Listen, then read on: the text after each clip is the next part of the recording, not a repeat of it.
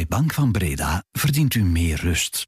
Meer gemoedsrust. Zodat u kan luisteren naar de zeven, terwijl wij focussen op al uw financiële vragen.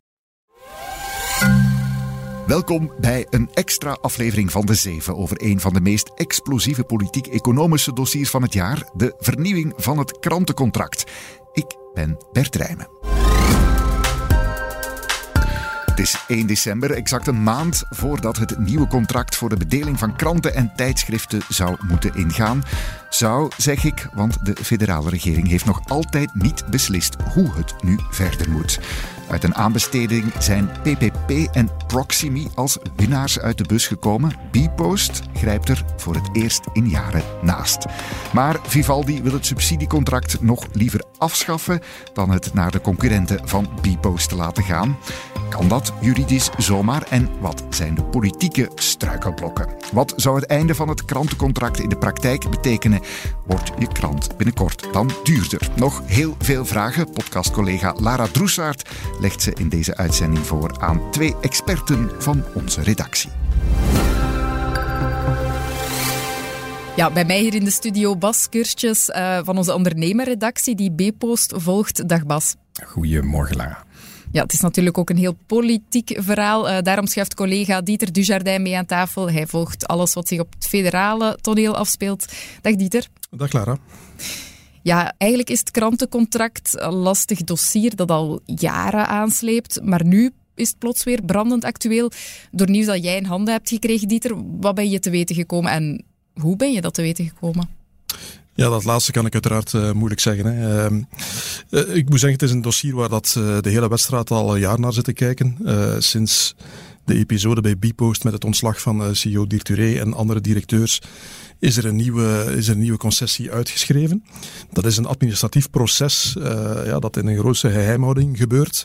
En deze keer nog meer, omdat ja, wij hebben een paar maanden geleden stukken geschreven over de nogal korte lijnen tussen eh, de PS-kabinetten en, uh, en uh, B-post. Dus ja, deze keer wou niemand echt betrapt worden op fouten. Dus uiteindelijk belandt dat advies van de FOD-economie dan bij de regering.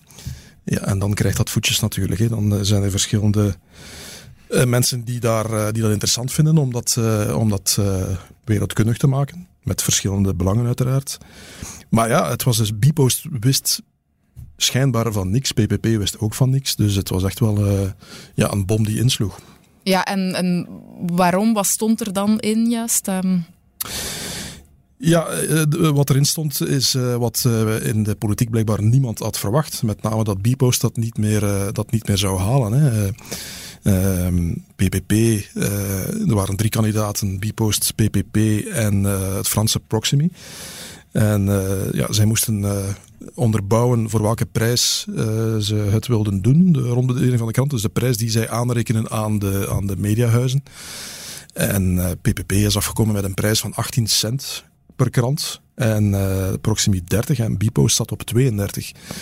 Dus er zijn nog een aantal andere criteria. Dus het belangrijkste was prijs, in tweede rangorde kwaliteit en dan ja, stiptheid van levering.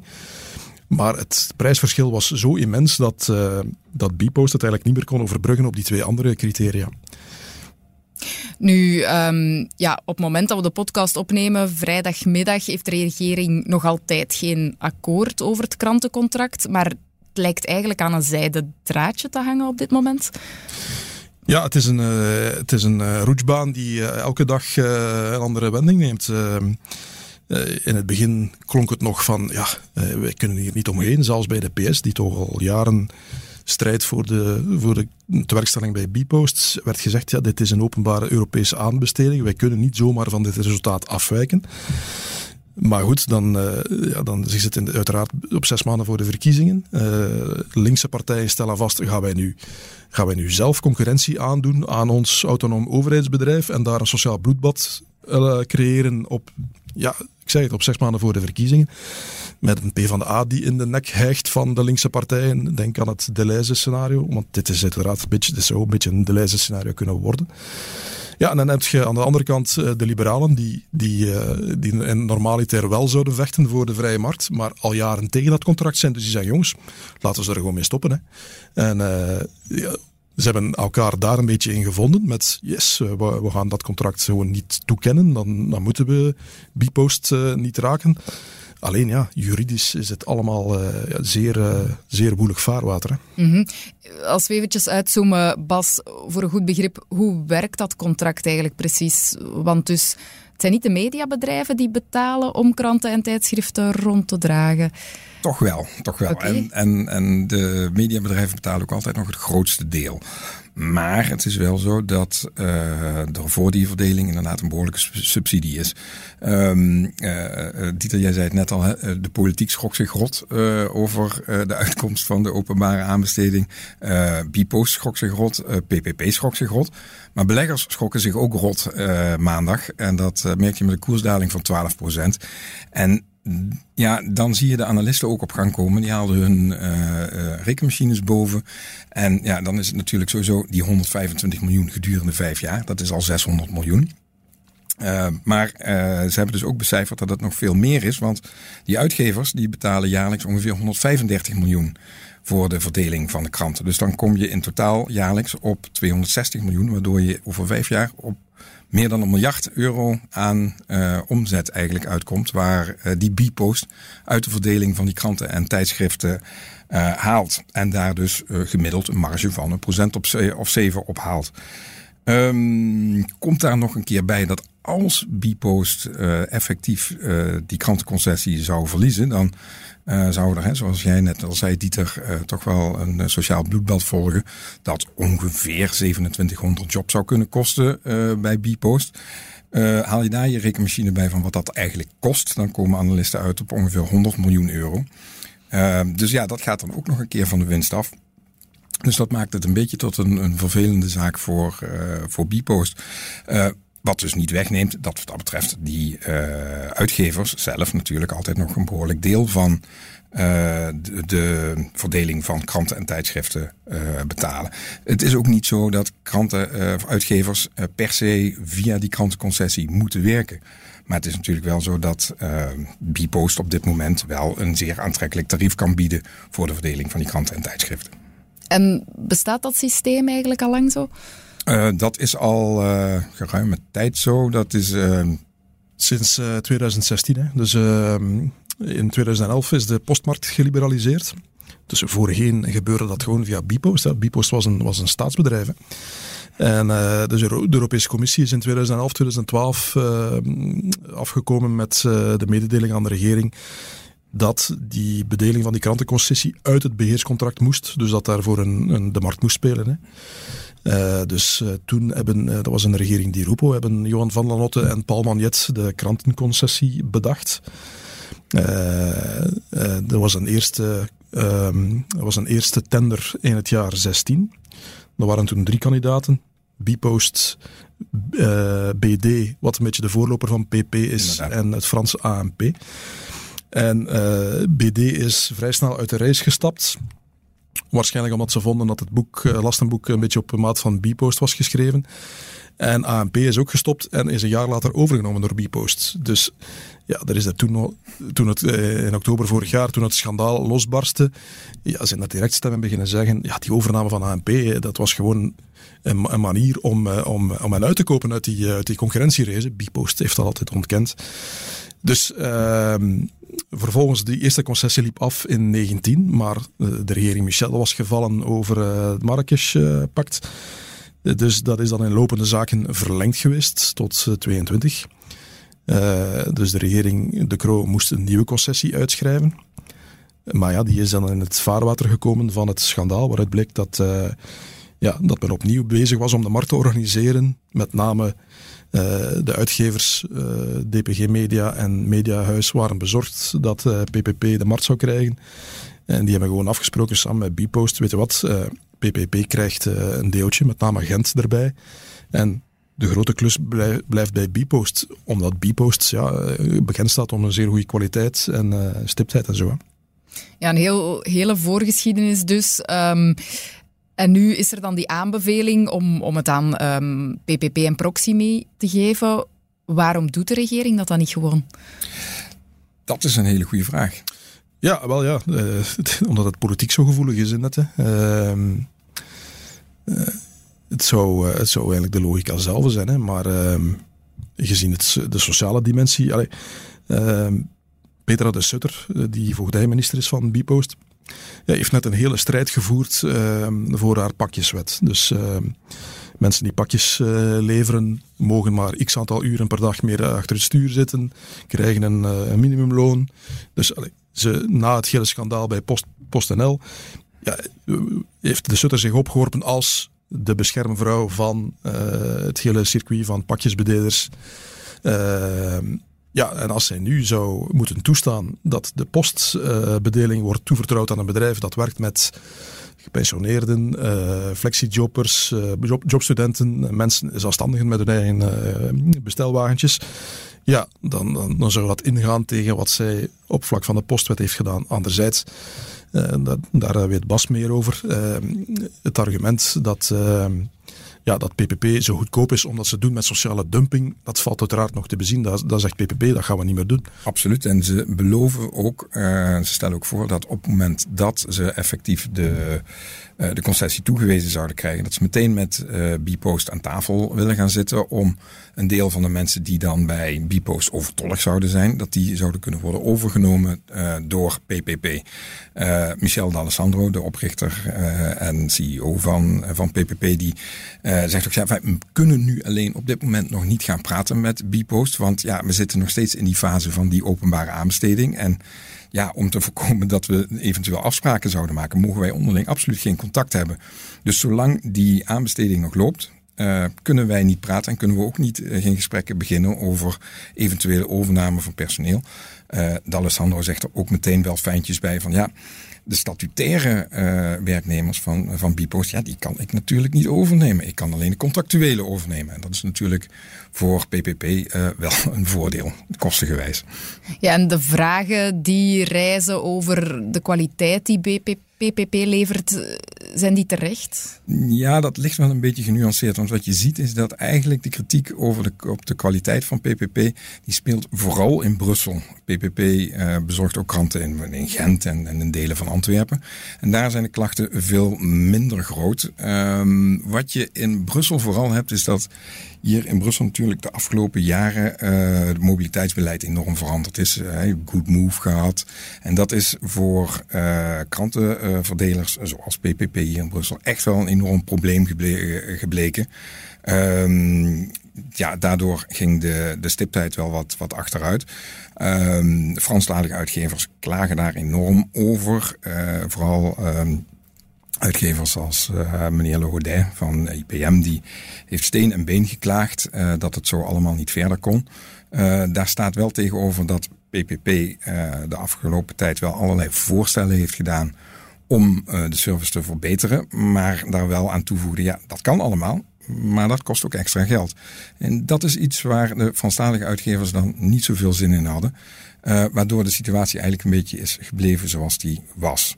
En uh, D'Alessandro van PPP zegt eigenlijk van... het is voor mij geen enkel probleem om die service op optimaal niveau te krijgen... Uh, als ik er voldoende geld voor krijg. -hmm.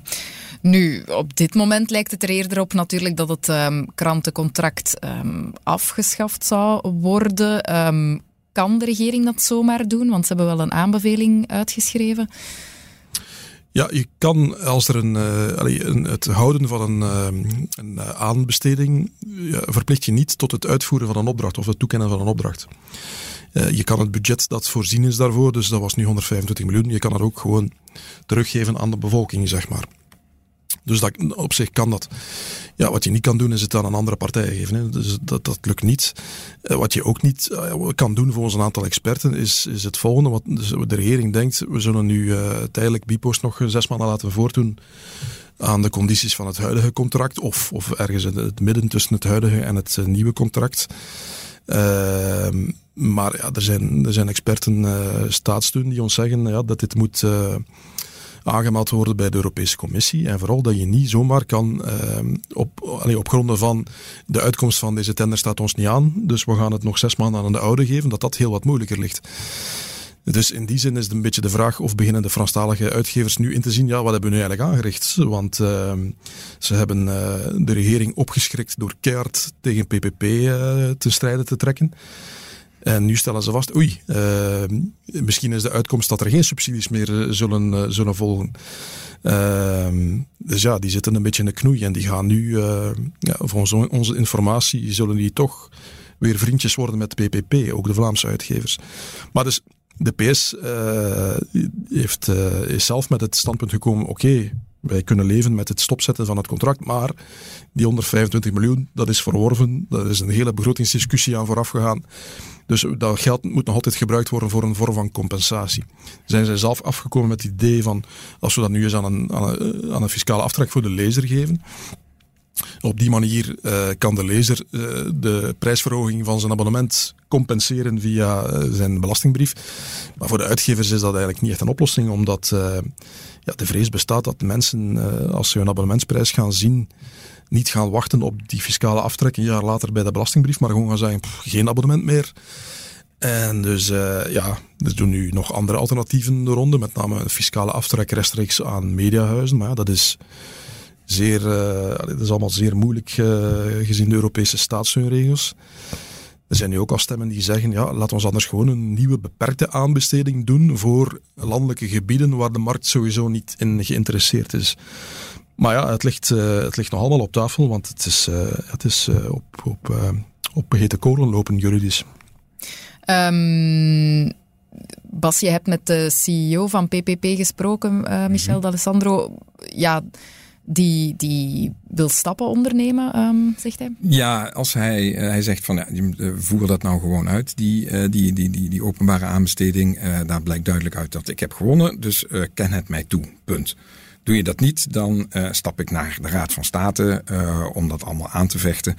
Um, we hebben de afgelopen week ook al met een aantal uh, juridisch deskundigen gesproken. Die achten de kans op succes daarbij niet zo heel erg groot. De overheid hoeft immers die aanbesteding niet per se uit te voeren. Pas op het moment dat die daadwerkelijk gegund zou zijn en zouden hem dan intrekken, dan zit je met een potentieel juridisch probleem. Maar uh, het op zich, het aanbesteden, wil nog niet zeggen dat je uh, de, de aanbesteding ook effectief moet gaan uitvoeren vervolgens, volgens juristen. Mm -hmm. um, nu, als het krantencontract verdwijnt, ja, dan zijn er wel meerdere opties wat er met die 125 miljoen moet gebeuren, Dieter. Uh... Ja, de optie van de Open VLD is ehm, steek het in de begroting. We kunnen daarmee het tekort afbouwen. Uh, Vincent van Quickenborne, de vroegere minister van uh, Justitie en vicepremier, die al jaren ageert uh, tegen die krantensubsidies.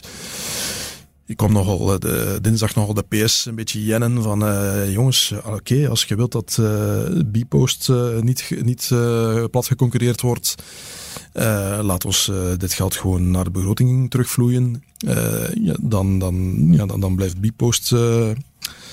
Bipost toch een beetje buiten schot. En het is goed voor de belastingbetaler. Maar ja, zoals ik daarnet zei, zowel bij de socialisten als de groenen wordt gezegd.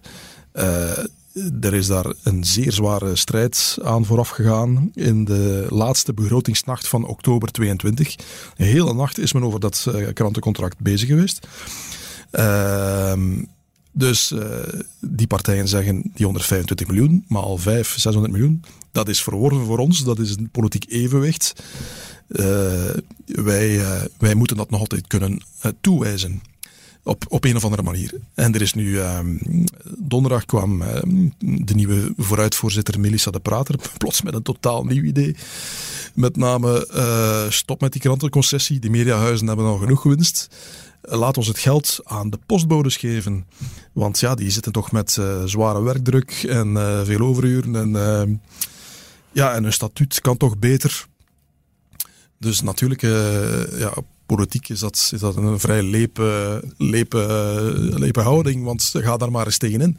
Ja, het is, en het is koren op de molen van wat PPP-baas D'Alessandro eigenlijk gisteren nog ja. zei. Die zei van, ja, kijk Ehm, je doet een aanbesteding, ehm, die komt niet bij Bpost terecht. Dan zeg je, oh, hij komt niet bij Bpost terecht, dan, uh, dan, dan voeren we hem helemaal af.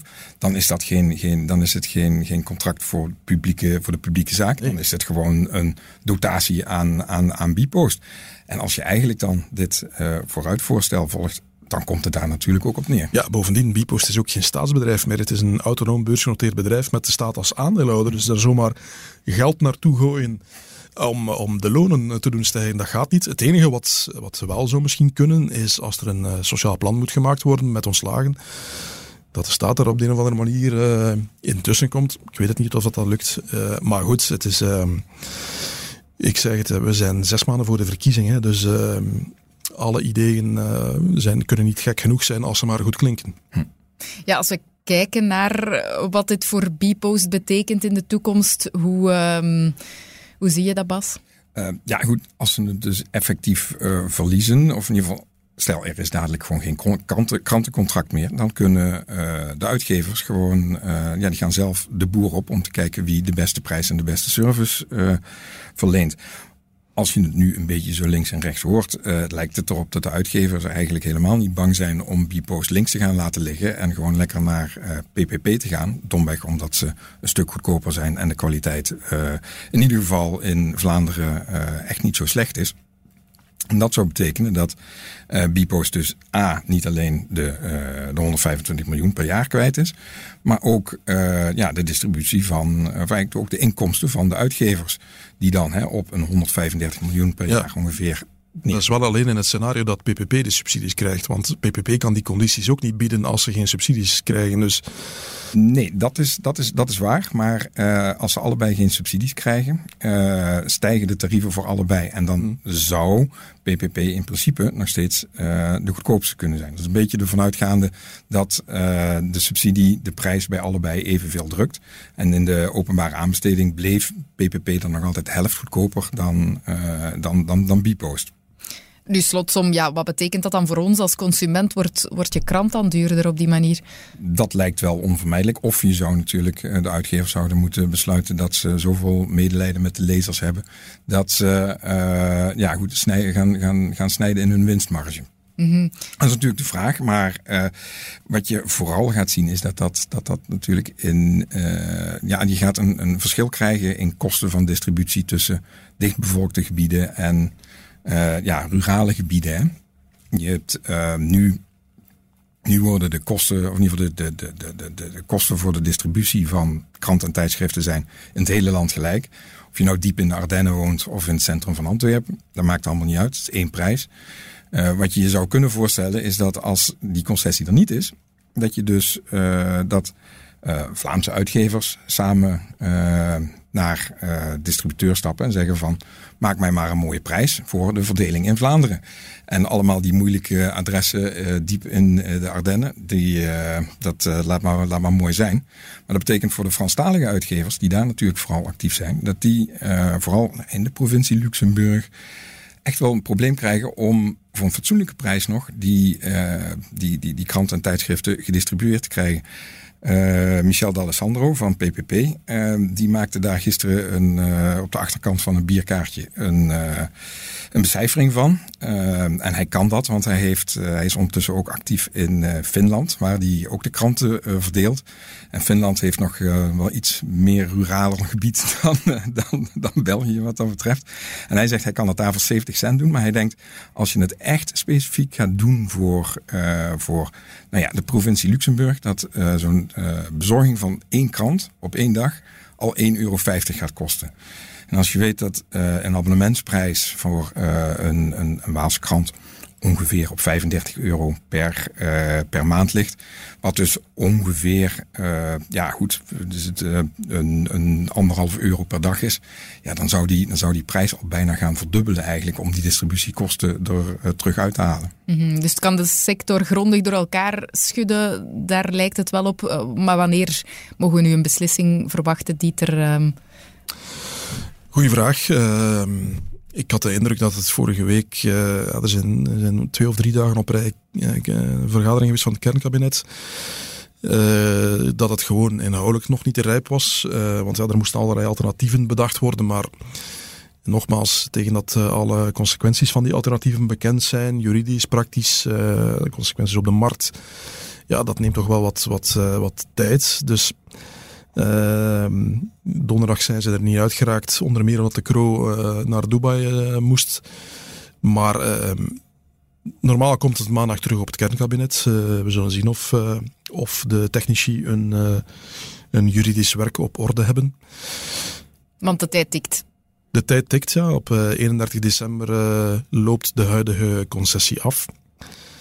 ik kan me niet voorstellen dat men ehm, ja, dat men de uitgevers van, van de ene op de andere dag gaat laten een plan trekken. Want ja, dan, dan gaan er op 2 januari niet overal kranten gebust zijn. Ik kan me ook niet, totaal niet inbeelden dat men niks gaat doen voor de B-post. Want ja, dat, is toch, dat blijft toch de grootste zorg bij de linkse partijen. Uh, dus ja, het zal moeten blijken. Ja, heel complex dossier. Uh, bedankt alleszins om daar wat meer uitleg over te geven. Bas en Dieter. Met veel plezier. Graag gedaan. Uitkijken naar maandag dus, zoals net gezegd. Dan komt het krantencontract opnieuw op tafel bij de kern. Afwachten of ze er dan wel uit geraken. Ehm, je kan het laatste nieuws sowieso verder volgen op tijd.be. En in de zeven komen we er natuurlijk ook nog op terug. Bedankt voor het luisteren en tot de volgende. Dit was de zeven met Lara Droesaert. Productie door Bert Rijmen van op de redactie van De Tijd. Bedankt om te luisteren. Maandag zijn we er weer. Fijn weekend.